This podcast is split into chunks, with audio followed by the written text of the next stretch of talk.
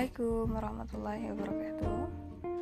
Selamat malam teman-teman. Selamat datang kembali di podcast Nengsi Ternyata benar ya Setelah podcast pertama publish kemarin Aku justru mengulang-ulang suara ke sendiri. Heran sih Apa cuma aku yang kayak gini? Oh ya Ini adalah podcast kedua aku. Sedikit bingung sih Mau bahas soal apa. Bukan tidak tahu apa yang mau dibahas. Tapi karena banyaknya yang ingin aku bahas, aku bingung mau bahas yang mana dulu. Hmm, baiklah. Dan aku memutuskan untuk membahas soal ibu. Tepatnya tentang ibu yang melepasku ikut bareng suami saat itu. Ngomongin ibu emang gak akan ada habisnya. Dan rata-rata kita selalu mewek kalau bahas soal ibu, ya kan? Jangan ditanya deh bagaimana sayangnya ibu ke kita, takkan tergambarkan. Umumnya, sesayang apa pun seorang anak kepada ibunya, pasti lebih sayang ibu kepada anaknya. Kita pasti tak asing lagi dengan pepatah, kasih ibu sepanjang jalan, kasih anak sepanjang gala. Itu pepatah lama sih.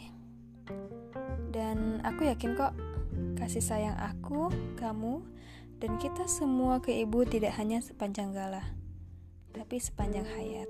Amin. Balik lagi nih ya ke topik. Waktu itu aku ingat banget.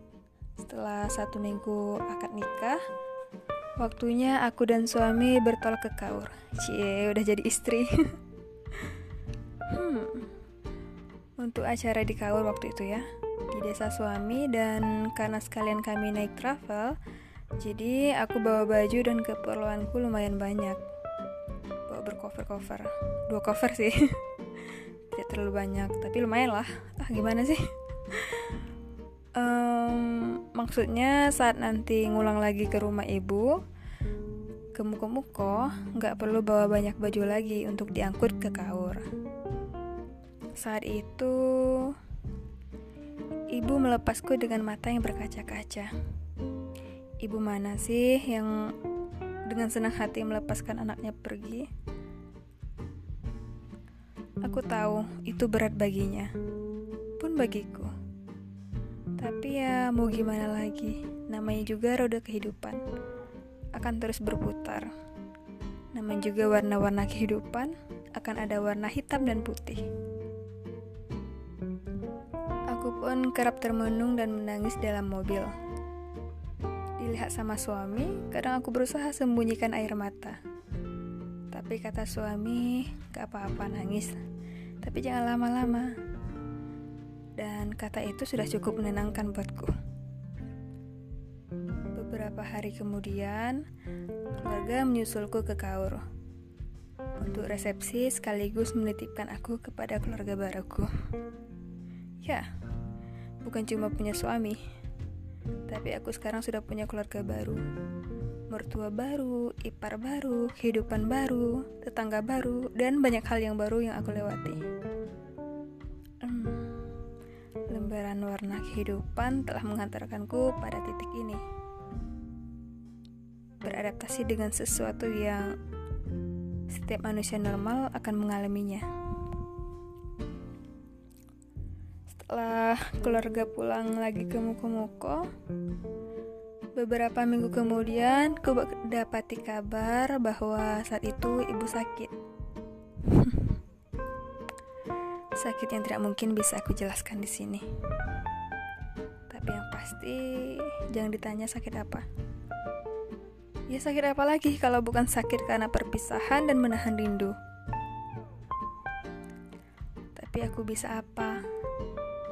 Selain mendoakan dan menitip ibu kepada adekku. Mau pulang pun belum bisa, karena pandemi COVID-19 waktu itu.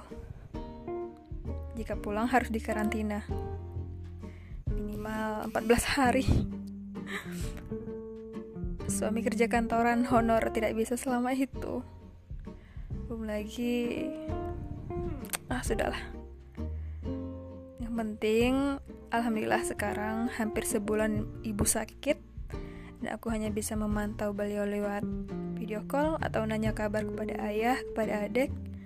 Sekarang beliau sudah sembuh, kembali seperti semula. Aku berharap dari sekarang dan seterusnya ibu selalu sehat. Tidak akan ada sakit yang sama terulang kembali.